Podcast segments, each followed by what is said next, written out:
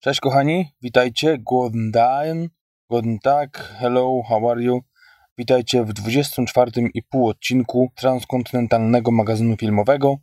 Dzisiaj jest sobota, 9 czerwca 2018 roku. Zapraszam dziś na półodcinek islandzki, w którego skład wchodzą premiery na właśnie mijający czy też trwający weekend. I tak mamy dzisiaj pozycję norweską, polską oraz amerykańską, a także główne dania dzisiejszego odcinka, czyli serial z Benedyktem Cumberbatchem oraz film islandzki z Marią Britą. Zapraszam.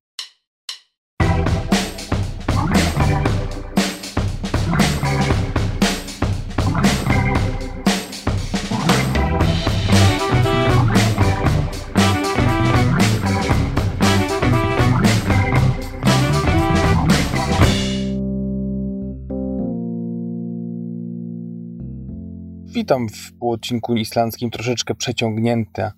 Jest oczywiście premiera tego odcinka. No, nakładały się pewne sprawy rodzinne i też nie ukrywam, że praca troszeczkę mnie przygniotła w tym e, właśnie przyszłym tygodniu. No i w tym też, no ale jest jak jest, e, w końcu udało się nagrać, także no jest lato, w końcu przyszło, można powiedzieć, wiadomo, że ciężko porównać to z polskim latem, ale można powiedzieć, że temperatury w okolicach 15-17 stopni, w słońcu nawet myślę, że powyżej 20 sporo, no to już jest sukces na te właśnie regiony i na ten kraj, także tutaj wszyscy cieszą się wspaniałą pogodą. Oczywiście w Polsce, w Gdańsku moim rodzinnym jest no mniej więcej 8-12 stopni więcej średnio dziennie. Jest to czas wypoczynku y, na plażach, nad jeziorami, i generalnie leżenia plackiem. No zresztą pewnie wiecie, część z Was przecież mieszka w Polsce. No to tutaj nie ma czegoś takiego jak upał, tym bardziej, że jak się wejdzie w cień, taki głębszy cień albo jakiś przeciąg, jak zawieje, to zawieje. Chociaż jest ta temperatura czasami nawet w okolicach 20 stopni, to kurtka zimowa, no może nie na sweter, ale na krótki rękawek zawsze jest w cenie. Coraz więcej turystów, więc troszeczkę się zaczyna czuć tutaj w Husawiku jak właśnie w Gdańsku rodzimym, czy też w Sopocie, bo, bo turystów e, nadciąga multum. Już coraz więcej jest tych wycieczek na tak zwane whale watching, czyli oglądanie wielorybów z łódek, z łodzi szybkich, z takich stateczków e, w różnych formach. Można tą aktywność turystyczną wykonywać. Różne są też oczywiście ceny tych atrakcji. No a tutaj Husavik jest jednym z najlepszych punktów z tego co słyszałem w całej Islandii. U mnie w firmie z kolei jest multum pracy, cała fabryka rusza coraz mocniej do przodu i tak zwane wszystkie ręce na pokład. Godziny są czasami podwojone. Tak to e, bywa w takich zakładach, więc e, jakby nie narzekam, tylko mówię jak jest. Chociaż nie jestem kolonką. Niedługo lipiec, jak pewnie możecie się spodziewać też i w naszym podcaście przyjdzie czas na wakacje, gdyż Darek, z tego co wiem, w lipcu, może nawet chyba na początek, nie wiem, chyba na cały miesiąc nawet przyjeżdża do Polski. Odpoczniecie od nas, my odpoczniemy od tego natłoku filmów i seriali, które oglądamy, żeby gdzieś tam mm, wam coś w cudzysłowie sprzedać i, i, i polecić. Zajmiemy się pewnie innymi rzeczami. Darek coś planuje, może coś zrobimy ciekawego, może jakąś, jakąś akcję wspólnie, może coś nagramy nawet razem bo może tego nie wiecie, ale no wiadomo, z Darkiem znamy się od wielu, wielu lat, ale tak naprawdę od czasu jak powstał podcast, to jeszcze się nie widzieliśmy, nawet dłużej, pół roku chyba, czy nawet jeszcze pewnie więcej przed powstaniem podcastu się nie widzieliśmy, to będzie już prawie dwa lata, także śmiesznie, e, że, że to gdzieś tam się e, udaje zrobić, a ha, fizycznie się nie widujemy. Teraz przyjdzie taka okazja, że się zobaczymy w końcu. Także to chyba tyle. Tyle, jeżeli chodzi o takie sprawy, powiedzmy, niezwiązane z filmem czy serialem. Przypominam nasze strony.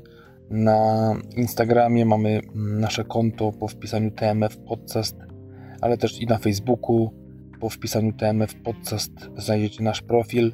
Tam newsy, tam filmiki krótkometrażowe, które wrzucamy regularnie.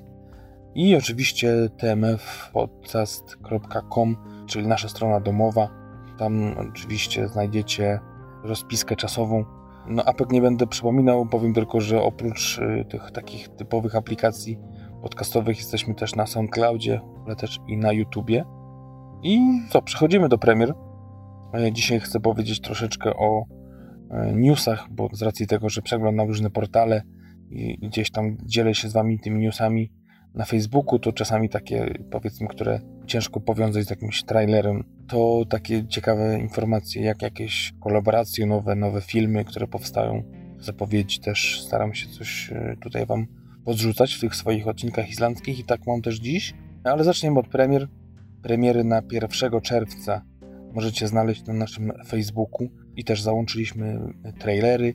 I tam możecie znaleźć informacje o takich filmach jak A może by tak trójkącik, komedia kanadyjska, Wyszczekani, komedia dla najmłodszych o czworonogach, a także Paryż i dziewczyna, komediodramat oraz chyba z tego co pamiętam najbardziej wyczekiwany film z zeszłego tygodnia, czyli podobno najlepszy horror brytyjski od lat Przebudzenie dusz.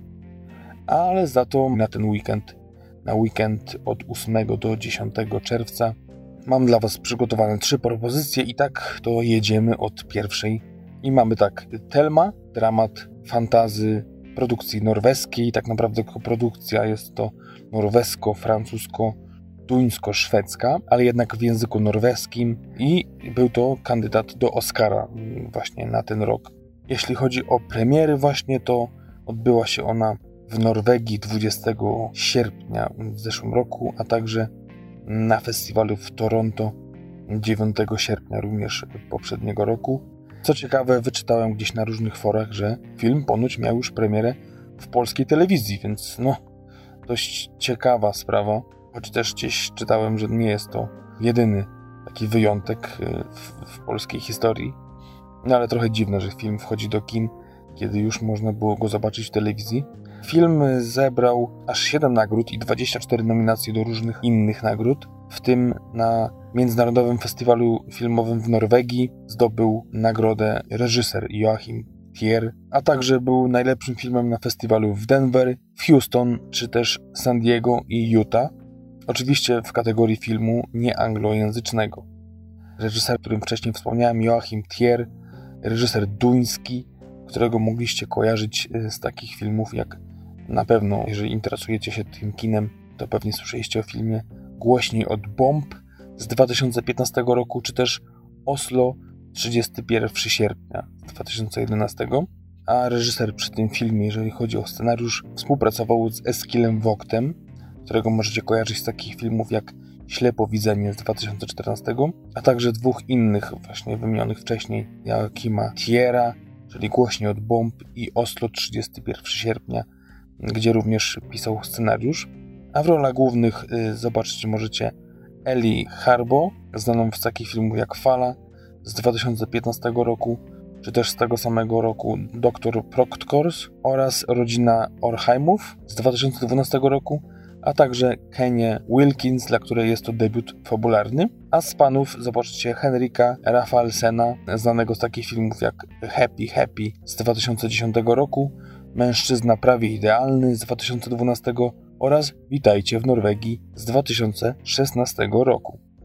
Jeśli chodzi o ocenę, mamy 7,1 na IMDb, i 6,6 na Filmwebie. Budżet filmu to 47,5 miliona norweskich koron, a jeszcze jeżeli chodzi o oceny, to warto dodać, że strona słynnego krytyka Rogera Eberta, nieżyjącego już, daje mu 3 na 4, także całkiem nieźle. Te 47,5 miliona koron przekłada się na 6,5 miliona dolarów, a do dzisiaj zarobił 1,3 miliona. Czas trwania to godzina i 56 minut. Historia opowiada o bardzo religijnej dziewczynie, która bardzo walczy ze swoimi uczuciami do koleżanki. Początek studiów w Oslo to dla młodej kobiety początek nowego życia. Po raz pierwszy rodzi się w Telmie miłość. Przeżywanie i uporządkowanie związanych z dorosłością emocji komplikuje nie tylko nieustająca kontrola ze strony rodziców, którzy są religijnymi fanatykami. Okazuje się, że w Telmie drzemią ukryte nadprzyrodzone siły, które pozwalają bohaterce zmieniać i kształtować rzeczywistość. Oceny całkiem przyzwoite, nie powiem, trailer też zapowiada się dość ciekawie. Dodam tylko, że Henrik Lafelsen i Ellen Dorit Petersen, która również gra w tym filmie, grają rodzinę Telmy i również tworzyli małżeństwo w filmie poprzednim jednego z scenarzystów dzisiejszego filmu, czyli Ślepowidzenie z 2014 roku. To tyle jeśli chodzi o Skandynawię. Teraz przechodzimy do drugiego, bardziej wyczekiwanego filmu, czyli Jurassic World Upadłe Królestwo. Jest to oczywiście przygodowy sci-fi, produkcji amerykańskiej, czas trwania 2 godziny i 8 minut. Premiera tego filmu miała miejsce 20 maja w Madrycie, a oficjalne kinowe premiery, na przykład na Islandii, to 6 czerwca, czyli kilka dni temu. Co ciekawe, w Ameryce dopiero 22 czerwca. Reżyserem filmu jest J.A. Bayona.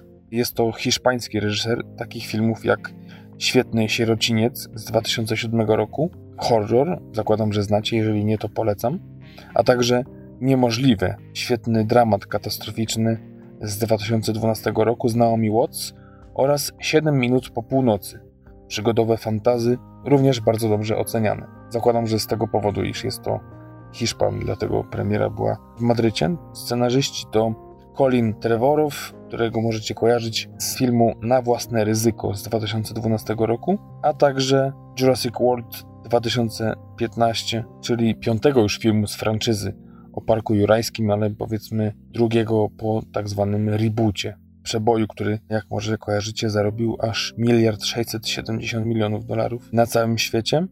A drugim scenarzystą jest reżyser pierwszej części, właśnie z 2015 roku, czyli Derek Connolly, który napisał te same praktyczne filmy, jeśli chodzi o te takie najbardziej znane tytuły co poprzednik, czyli Trevorow, a także w zeszłym roku napisał scenariusz do filmu Kong Wyspa Czaszki. Film opowiada o tym, jak Owen i Claire, bohaterowie filmu, próbują ratować dinozaury w obliczu obudzenia się uśpionego wulkanu.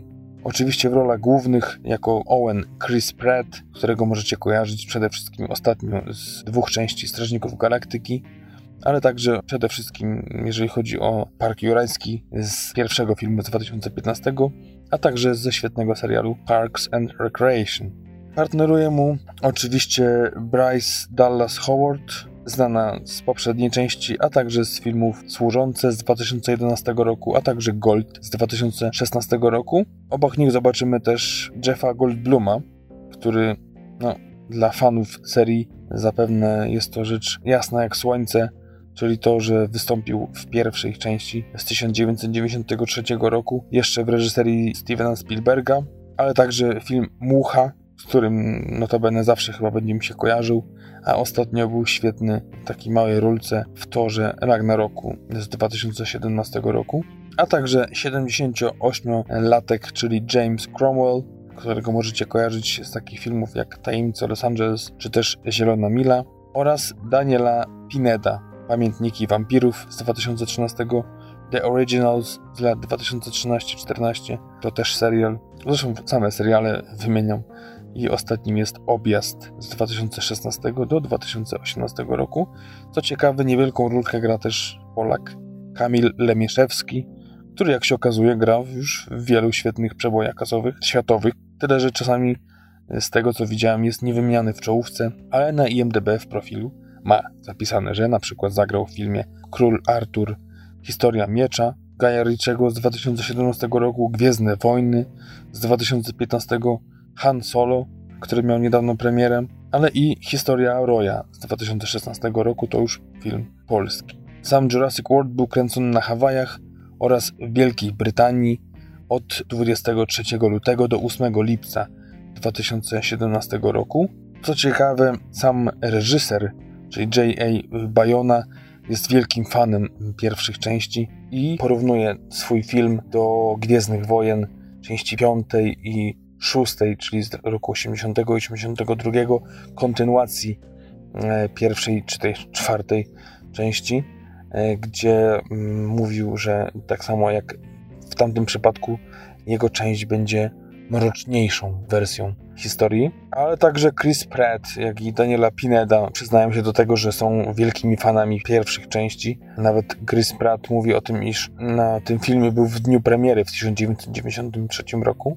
Reżyser w jednym wywiadzie podkreślił, iż jest świadomy tego, iż pierwsza część uznana była za bardzo seksistowską, a za przykład tego właśnie podaje to, iż główna bohaterka grana przez Bryce Dallas Howard musiała nosić obcasy w scenach akcji. Tutaj tego nie ma i ponoć, żeby jakby wyrównać to i trochę podnieść rangę postaci i rozbudował jej postać, jeżeli chodzi o kwestie fabularne i, i udział w historii. To tyle, jeśli chodzi o drugą propozycję. No i ostatnia, czyli pierwsza, najbardziej wyczekiwana propozycja na ten weekend mijający, czyli no dawno już tego nie widzieliśmy, żeby najbardziej wyczekiwanym filmem był film polski, tak to jest tym razem.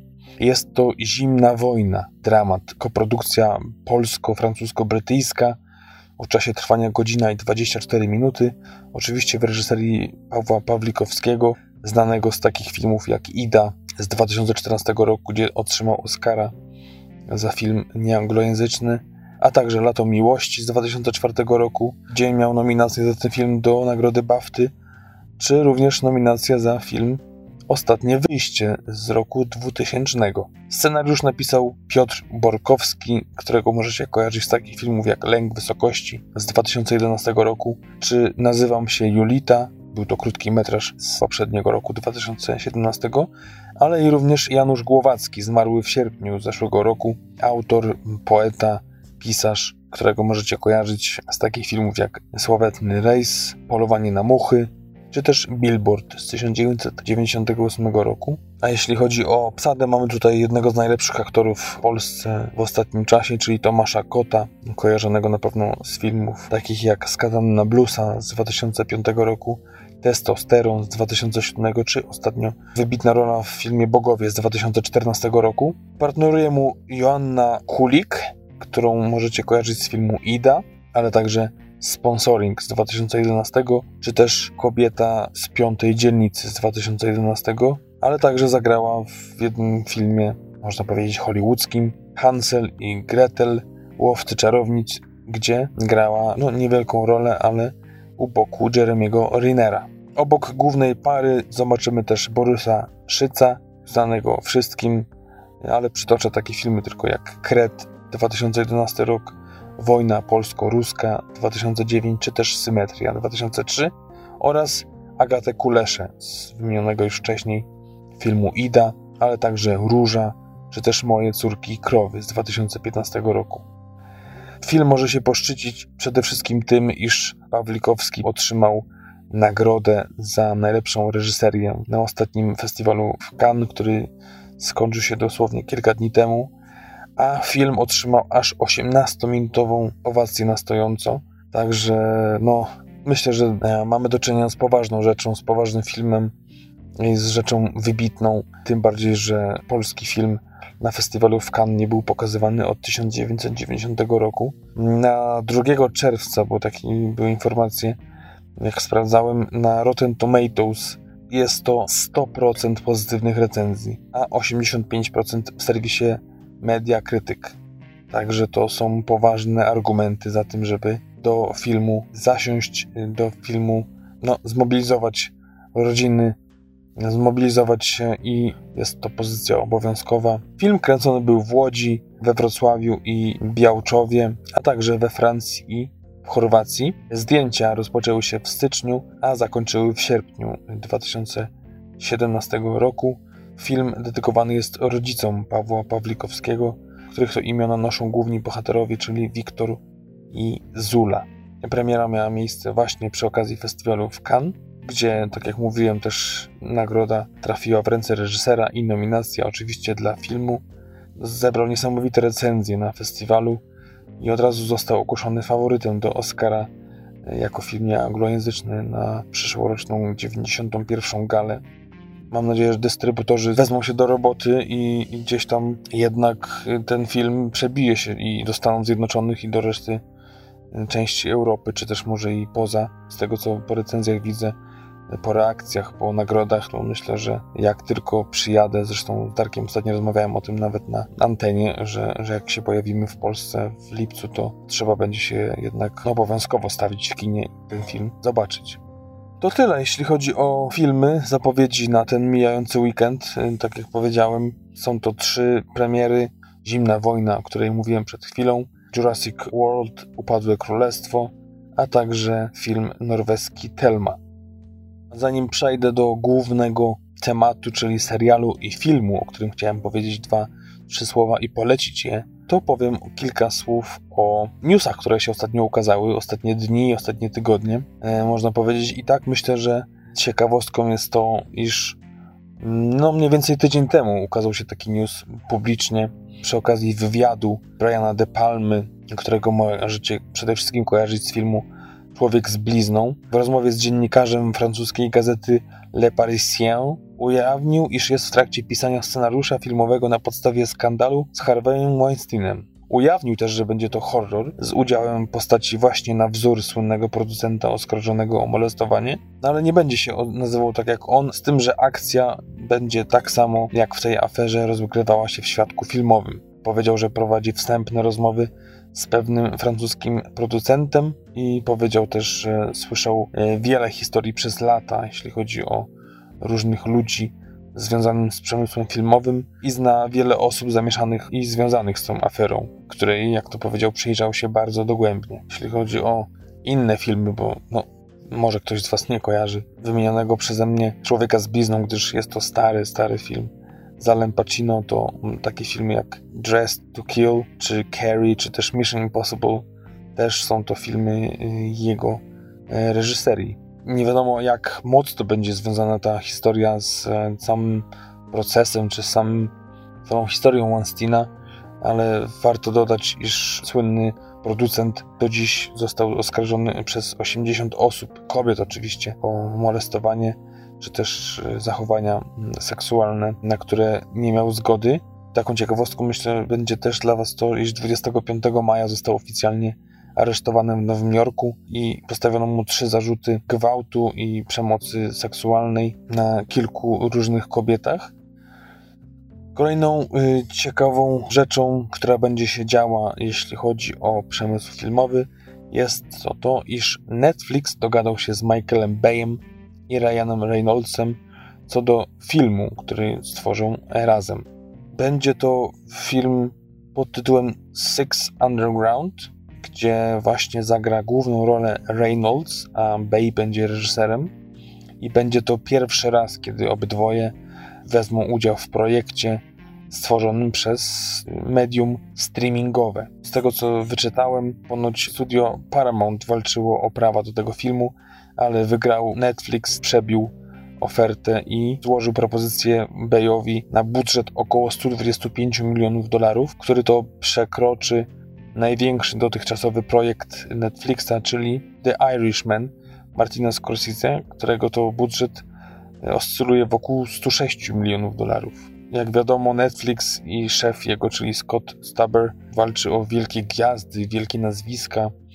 Już w zeszłym roku współpracowali z takimi gwiazdami popkultury i filmu jak Will Smith czy też Brad Pitt, ale Bay jest jednym z pierwszych, wiadomo, obok Scorsese reżyserów. Taką ciekawostką, która gdzieś przykuła też uwagę i była ważną rzeczą w negocjacjach, jeżeli chodzi o Reynoldsa, było to, iż Netflix do umowy, jeżeli chodzi o film, nie dołącza żadnych wymagań związanych z promocją, z braniem udziału w konferencjach, z jeżdżeniem z filmem po, po całym świecie i promocją. I z tego względu no, Reynolds zaraz po skończeniu tego filmu może skoczyć w kolejny projekt, także no, to jest taka elastyczność, na którą inne wytwórnie sobie nie pozwalają. Nie jest na razie oczywiście znana ani fabuła, ani kto napisze scenariusz. Teraz są poszukiwania y, właśnie scenarzysty. Wiadomo tylko, że plany są, żeby produkcja miała premierę na rok 2019. Wiadomo też, że Bay przygotowuje się do pracy przy filmie Robocapolypse i ten film i Six Underground mają być kolejnymi jego dwoma projektami. Nie wiadomo, który wcześniej, który później, ale gdzieś mniej więcej w podobnym czasie mają się na rynku i w kinach mm, pojawić. No wiadomo, Six Underground to będzie na Netflixie. I ostatnim newsem, które chciałem Wam przedstawić, jest to, iż Jared Leto, a dokładnie jego Joker, dorobił się swojego filmu, a raczej dostał zielone światło na to, żeby taki film powstał. Może kojarzycie Leto z wersji Jokera, którą ujawnił światu jako naprawdę małą rulkę w filmie Suicide Squad z 2016 roku i tak zachwycił publiczność, iż tak jak właśnie się okazało kilka dni temu, powstanie film tylko właśnie z udziałem Jokera. Wcześniej mówiło się o tym, że z Suicide Squadu Margot Robbie otrzyma film, w którym będzie głównym bohaterem, dokładnie jej wersja Harley Quinn, no ale widać Joker jako najwyższa karta w talii przebił jej propozycję i tutaj sforuje się na czoło, jeżeli chodzi o produkcję tego uniwersum, gdyż DC chce właśnie rozszerzyć zakres swojego świata na właśnie kolejne poszczególne postaci z tego ich najnowszego dzieła, czyli Suicide Squadu, gdzie jest wiele, wiele nowych postaci. To tyle, jeśli chodzi o ciekawostki ze świata filmu i przechodzę teraz do najważniejszej rzeczy, czyli filmu i serialu. Pierwszy będzie to serial Patrick Melrose. Pierwsze skojarzenie będzie takie, że pomyślicie sobie, że może wybrałem to dlatego, że w tytule jest moje imię. Byłoby to płytkie, byłoby to narcystyczne, byłoby to prawie zgodne z moją naturą, ale nie. Jest to serial, o którym chciałem powiedzieć, gdyż słyszałem o nim już wiele tygodni temu i miałem w planach zasiąść do oglądania. No i wpadłem, wpadłem jak śliwka w kompot, tym bardziej, że czasami jak mam zasiąść do jakiegoś serialu, boję się, że przytrzymam je przy sobie za długo, porwie mnie całego, tak jak na przykład Westworld ostatnio. Chociaż, no, nie wiem jak wy, czy jesteście fanami tego serialu. Mam wiele zarzutów do tej drugiej serii. Rozumiem, dwuletnią, długą przerwę, ale wydaje mi się też, że te dwa lata to było za dużo, jeżeli chodzi o pomysły, że chcieli wykorzystać wszystkie, może były za dobre według ich opinii i moim zdaniem upchali za dużo tych wątków, za dużo to się dzieje. Teraz oglądam szósty odcinek, jest troszeczkę lepiej, troszeczkę już gdzieś to się tam razem składa, zbiera, ale do tej pory to był moim zdaniem jeden wielki chaos i naprawdę ciężko było, no po prostu zachwycić się tym serialem, tak samo jak miało to miejsce w pierwszej serii, gdzie jakoś to było bardziej pokładane, no ale to tyle. A wracając do serialu Patrick Melrose, jest to serial stacji Showtime, u nas w Polsce wyświetlany na HBO, na podstawie półautobiograficznej książki autorstwa Edwarda Soundaulina pod tym samym tytułem zresztą z 1992 roku. Serial wyświetlany jest od 12 maja do tej pory Cztery odcinki były, ostatni ma premierę dziś. Także zakładam, że no jest to premiera światowa, amerykańska oczywiście, więc pewnie polska premiera będzie jutro albo pojutrze. Serial w reżyserii Edwarda Bergera. Wcześniej możecie go kojarzyć z takich filmów jak Jack z 2014 roku, Szpieg D83 z 2015, czy też ostatnio trzy odcinki serialu The Terror, a współscenarzystami są autor książki Edward St. Aubin. On współpisał, współtworzył cztery odcinki, a także wcześniej 2011 roku Mother's Milk, również na podstawie książki swojego autorstwa, oraz David Nichols, którego możecie kojarzyć z filmów z dala od zgiełku z 2015 roku, Miłosna okładanka z 2016 czy też Jeden dzień z 2011, a w rolach głównych mamy przede wszystkim świetnego Benedykta Cumberbatcha, nominacja Oscarowa za film Gra Tajemnic z 2014 roku, ale także film Doctor Strange oraz serial Sherlock z lat 2010-2017. Obok niego zobaczymy Jessica Rain z serialu Fortitude 2015 roku i Jericho 2016. Druga świetna rola, czyli matka głównego bohatera grana przez Jennifer Jason Lee Oczywiście znana niedawno z nominacji Oscarowej i prześwietnej małej roli w nienawistnej ósemce Quentina Tarantino z 2015 roku, a wcześniej z takiego filmu jak Dolores z 1995, a w tym roku zagrała w filmie Netflixa Anihilacja u boku Natalie Portman. Obok tej trójki mamy też Hugo Weavinga, najbardziej chyba znanego jako agenta Smitha z Matrixa z 1999 roku, V jak Vendetta z 2005 roku, czy też serii, czy też trylogii bardziej Władcy Pierścieni i on tutaj gra ojca z kolei Cumberbatcha, a także świetny Sebastian Maltz, debiutant jako młody Patrick Melrose oraz Holiday Graninger, znana z filmu Kopciuszek z 2015, a także z serialu Rodzina Borgiów z 2011. Serial opowiada o właśnie Patryku Merlosie, który pochodzi z bogatej, przebogatej rodzinie, Jest inteligentnym i charyzmatycznym mężczyzną i cieszy się dużym powodzeniem wśród kobiet. I to jest jego główny, przynajmniej w pierwszym odcinku widzimy pomysł na życie, czyli imprezy, wydawanie rodzinnych majątków i flirty, romanse i tego typu aktywności. Patryk, starając się uporać z trudnymi wspomnieniami z traumatycznego dzieciństwa, które zapewnił mu i ojciec, ale także i nieszczędziła matka, która nie potrafiła przekazać miłości, jakby przymykała oko na tyranię ojca. Próbując właśnie uporać się z tym dzieciństwem, szuka ukojenia w używkach. I to jest jego zguba, to jest jego przekleństwo. Tak też go poznajemy w pierwszym odcinku. Oceny są wybitne, świetne, 8,4 na IMDb, 8,2 na Filmwebie. I co tu dużo powiedzieć, prześwietna, tak jak powiedziałem wcześniej, rola Cumberbatcha. Po pierwszym odcinku, gdzie bardzo mocno przypominał karierę i też w ogóle cały styl opowiadania historii i przedstawiania postaci jak Wilku z Wall Street, ale jak się potem okazało, drugi, trzeci i czwarty odcinek są zupełnie inne.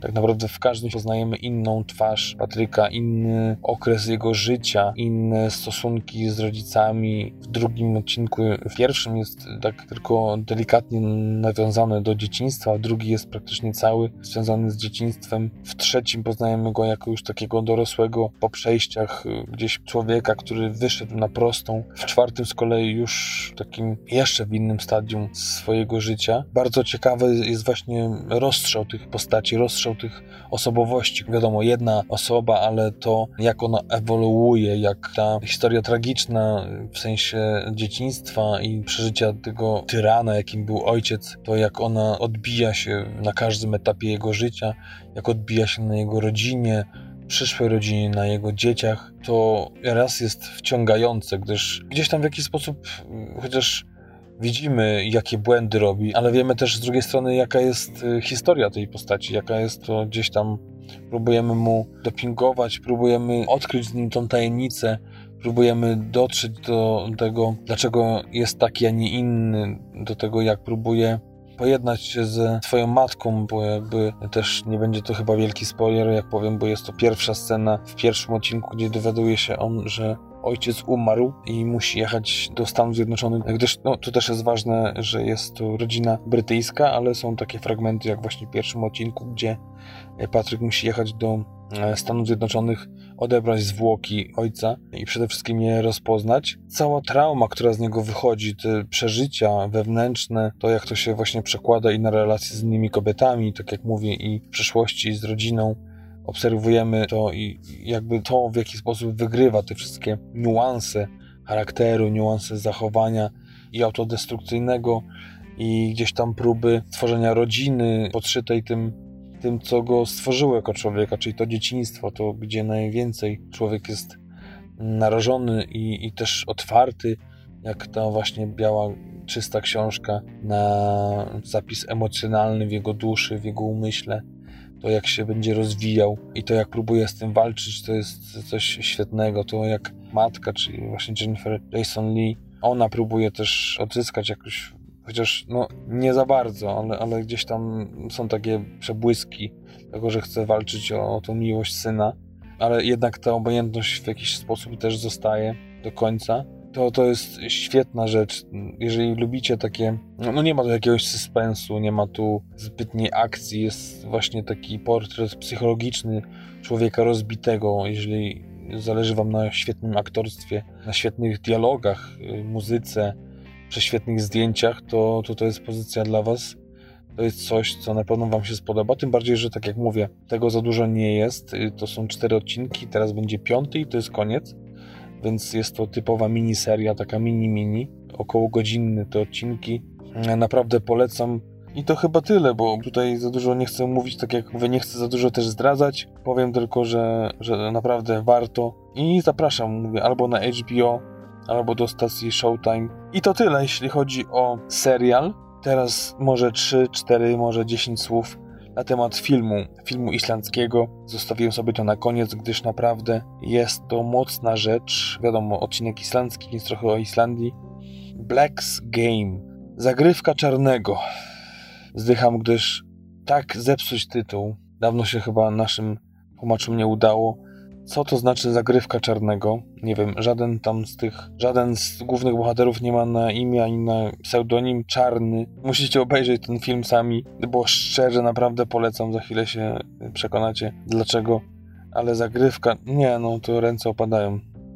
Nie będę powtarzał, może bardziej będę posługiwał się tytułem amerykańskim, angielskim, czyli Black's Game. Jest to dramat kryminalny produkcji, tak jak powiedziałem, islandzkiej z 2012 roku. Premiera tego filmu miała miejsce 1 lutego 2012 roku na festiwalu filmowym w Rotterdamie, a premiera kinowa na Islandii to 2 marca 2012 roku. W Polsce zadebiutował na festiwalu warszawskim w październiku tego samego roku, dokładnie 13 października.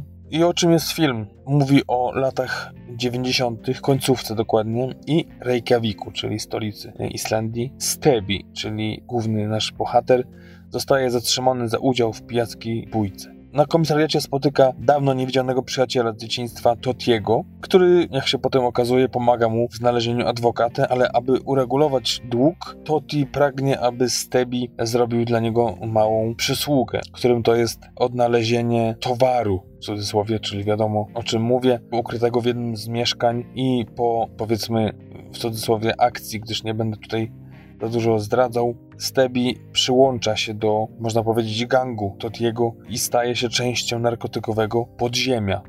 No, wiadomo, że Islandia nie jest krajem dużym, też te mafie nie są to mafie gdzieś typu przynajmniej takie opisywane w filmach nowojorskich, ogólnie amerykańskich, czy też kartelów kolumbijskich, ale, ale są to no, kilkuosobowe grupy. To też zwróciło moją uwagę, że aby być gangiem, przynajmniej według tych filmów islandzkich, to wcale nie trzeba mieć silnej grupy, starczy parę osób i już to jest nazywane gang. No tak samo jak 2000 mieszkańców jest nazywane miastem. To jest kwintesencja Islandii i przekłada się na, na jak widzę, jak widać, różne pola.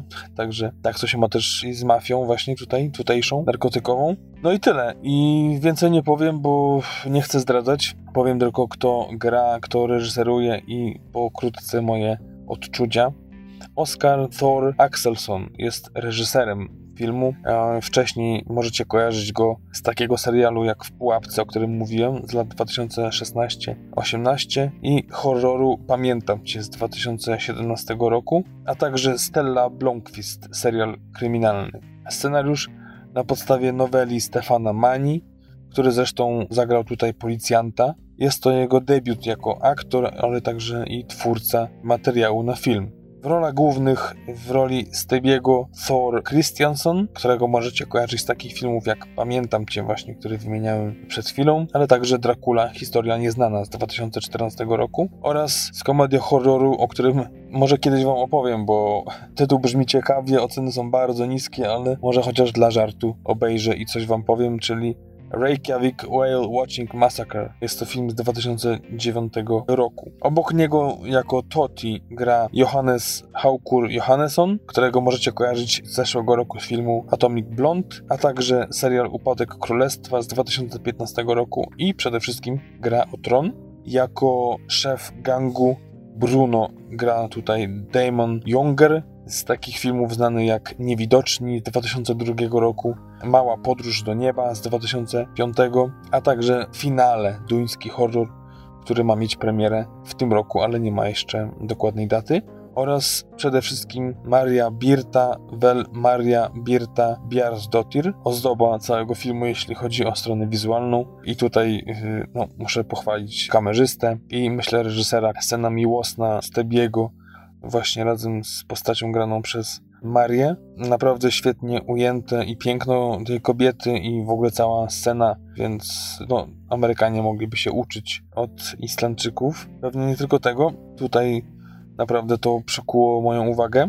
Birta znana jest z takich filmów jak XL z 2013 roku, Nerwówka z 2010, czy też Salt Within the Walls z 2017 z filmu krótkometrażowego. Jeśli chodzi o nagrody, ten film zdobył tych nagród aż trzy właśnie dla Birty za aktorkę drugoplanową, dla aktora drugoplanowego oraz za scenariusz, właśnie w tych najważniejszych nagrodach islandzkich, a także 12 nominacji do innych nagród. A przegrał ten festiwal z głównym faworytem z filmem The Deep o którym może powiem przy okazji następnego odcinka, bo też gdzieś, gdzieś tam go wypatrywałem ostatnio i widziałem, że no oceny też nie za wysokie, ale, ale może, może, może to ktoś się pomylił, jak to bywa z tymi filmami, który, o których wam opowiadamy. Próbujemy przecież wynaleźć takie niedoceniane perełeczki. Może i The Deep będzie takim filmem.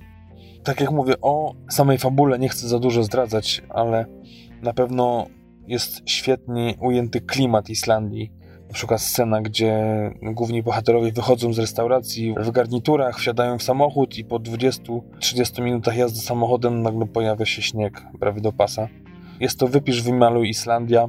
Taki klimat mam tutaj przez właśnie ostatnie miesiące. Dokładnie tak to się dzieje, że nawet nie trzeba jechać, tylko wystarczy poczekać te 20 minut, żeby, może nie, żeby śnieg był do pasa, ale żeby po prostu zaczął padać i za chwilę mogło być nawet go dużo, dużo więcej tak jak mówiłem, mafie, które są przedstawione tutaj są dość inne, jeśli chodzi o ale też słyszałem taką półoficjalną, bo raczej nieoficjalną historię, jak to tutaj tutejsze mafie współpracują z policją. Słyszałem historię sprzed kilkunastu lat, jak to na Islandię przyjechał pewien handlarz narkotyków, który chciał sprzedawać heroinę, ale na tyle właśnie handlarze tutejsi są, jakby to powiedzieć, w porządku, fair, nie wiem, troszczą się o swoich ludzi, iż zrobili specjalne zebranie z policją. No wiadomo, nieoficjalna historia, ale słyszałem tutaj od osoby, która dość sporo wie, jeśli chodzi o Islandię i generalnie o dużo, dużo klimatów i tematów, które się dzieją w Reykjaviku. Pochodzi z Reykjaviku i opowiadał mi właśnie, jak to było zebranie po przyjeździe tego handlarza policji z mafią, która to zaoferowała swoje usługi, jeśli chodzi o dorwanie tego właśnie handlarza, w zamian za to, że po prostu go się z wyspy pozbędą i wyślą. I tak to się e, stało, że kilka dni później policja znalazła przed komisariatem e, nagiego pana z workiem wypełnionym kilkoma kilogramami heroiny i zawiązaną kokardką na szyi jako prezent. Także takie ciekawe rzeczy tu się dzieją. Ponoć oczywiście było to nieoficjalne, było to tajna rzecz, e, tajemnica nie było w żadnych wiadomościach tego, y, więc no taką perełeczkę y, historię wam tutaj sprzedaję. Ponoć to jest to prawda, więc mają jakiś kodeks tutejsi mafiozi. W tym filmie nie widać żadnego kodeksu. Naprawdę jest to krwawa, brutalna historia. Czasami można by powiedzieć, że zbyt brutalna, a na pewno brutalniejsza niż te amerykańskie. Że ci mafiozi pod wpływem narkotyków no, zachowują się dużo gorzej niż ci amerykańscy, chociaż no, ktoś to porównał, że to jest film, islandzka wersja chłopców z. Ja bym powiedział Junior Godfellas albo Kids Godfellas, gdyż nawet jedna z najważniejszych imprez w filmie odbywa się w domu rodziców jednego z bohaterów. No więc ciężko, żeby chłopcy z Ferajny Scorsese imprezowali u rodziców jednego z nich. Także no, mówię, wiek chłopaków jest też y, trochę inny niż tej powiedzmy amerykańskiej wersji ale na pewno jest to pozycja warta obejrzenia, warta wczucia się w klimat, o który nie trudno, bo, bo tak jak zauważyłem ostatnio i właśnie muzyka i zdjęcia naprawdę nadają mocny klimat tym filmom tutejszym islandzkim i tak to właśnie jest w tym wypadku. Jeśli chodzi o zdjęcia, czasami są takie podobne mocno do klimatów w spottingu, jeśli chodzi o jakieś imprezy, libacje narkotykowe, jakie odbywają się. Jedna scena jest genialnie nakręcona właśnie jako taki pół koszmar, pół mroczny sen. Naprawdę, można odjechać przy tych scenach. Historia wciąga, historia jest ciekawa naszego głównego bohatera, a też tam w pewnym momencie miesza się policja, gdzieś wystawiona jest na próbę siła charakteru, siła przyjaźni, i to wszystko się też miesza razem z, z, miłością, z jakimś oddaniem, także naprawdę jak na islandzki film, jak na ten klimat tutejszy, mocno taka zakorzeniona wydaje się w tym islandzkim mroku historia. Oceny może nie są zbyt wygórowane, bo z tego co pamiętam 6,8 na IMDb i 6,7 na Filmwebie. Film trwa godzinę i 41 minut i naprawdę warto poświęcić mu ten czas. Myślę, że się nie zawiedziecie. Mocno brutalny, krwawy, chwilami dramat kryminalny, islandzki, Black's Game, nie będę powtarzał polskiego tytułu. Polecam jeszcze raz check it out, jak to pewnie powiedziałby Darek. Mam nadzieję, że Wam się spodoba, że sięgniecie po tą pozycję i dacie mi znać, może w komentarzach, może w jakiejś wiadomości, czy obejrzeliście, czy Wam się podobał. Z tego, co tutaj rozmawiam z różnymi Islandczykami, to dla niektórych jest to w ogóle ulubiony film. W ogóle wszyscy się tutaj zachwycają, no ale no, nie ma tu zbyt wielu filmów na, na wysokim poziomie, chociaż jak widzicie, jak omawiam i seriale, i filmy, to naprawdę nie jest źle. I po kilku pierwszych myślałem, że będzie koniec, a ostatnio właśnie Anioły Wszechświata. Teraz właśnie ten Black's Game. Zobaczymy jeszcze, jak ten The Deep wypadnie. Jeszcze jemu się przyjrzę. Może będzie to główny film kolejnego odcinka mojego islandzkiego. Ale te pozycje Patrick Merlows i Black's Game polecam znak jakości połowy TMF-u. To jest to, co daję mu na dziś. I tym to właśnie pozytywnym komentarzem kończę dzisiejszy odcinek. Dziękuję za dziś. Bawił Was w cudzysłowie oczywiście, czyli zagadywał, nudził Patryk z islandzkiego Husawiku, a dokładnie e, z mocno improwizowanego dzisiaj po raz kolejny studia na pewnym wzgórzu nad Husawikiem. Nagrywane było w samochodzie, także e, no, w takich warunkach przychodzi nam nagrywać. Walczymy, walczymy o to, żeby jakoś to się udawało. Może będziecie słyszeć jakieś ptaszki świerkające czy inne zwierzątka, to właśnie to, to mnie tutaj zastało. Odjechałem trochę od skwaru miasta, żeby nie było słychać samochodów, gdyż teraz w trochę w innym miejscu mieszkam i, i troszeczkę jest głośniej niż w poprzednim. Ale tutaj no, natura się odzywa, także nie wiem, czy będzie to słychać, czy nie. Nie ma co przedłużać. Dziękuję za dziś. Zapraszam na kolejny odcinek w przyszłym tygodniu. Odcinek pełny. I jeszcze raz przypominam tmfpodcast.com TMF Podcast wpisywane w Facebooka, ale i w Instagrama. No to tyle. Sjausta. Na razie. Cześć.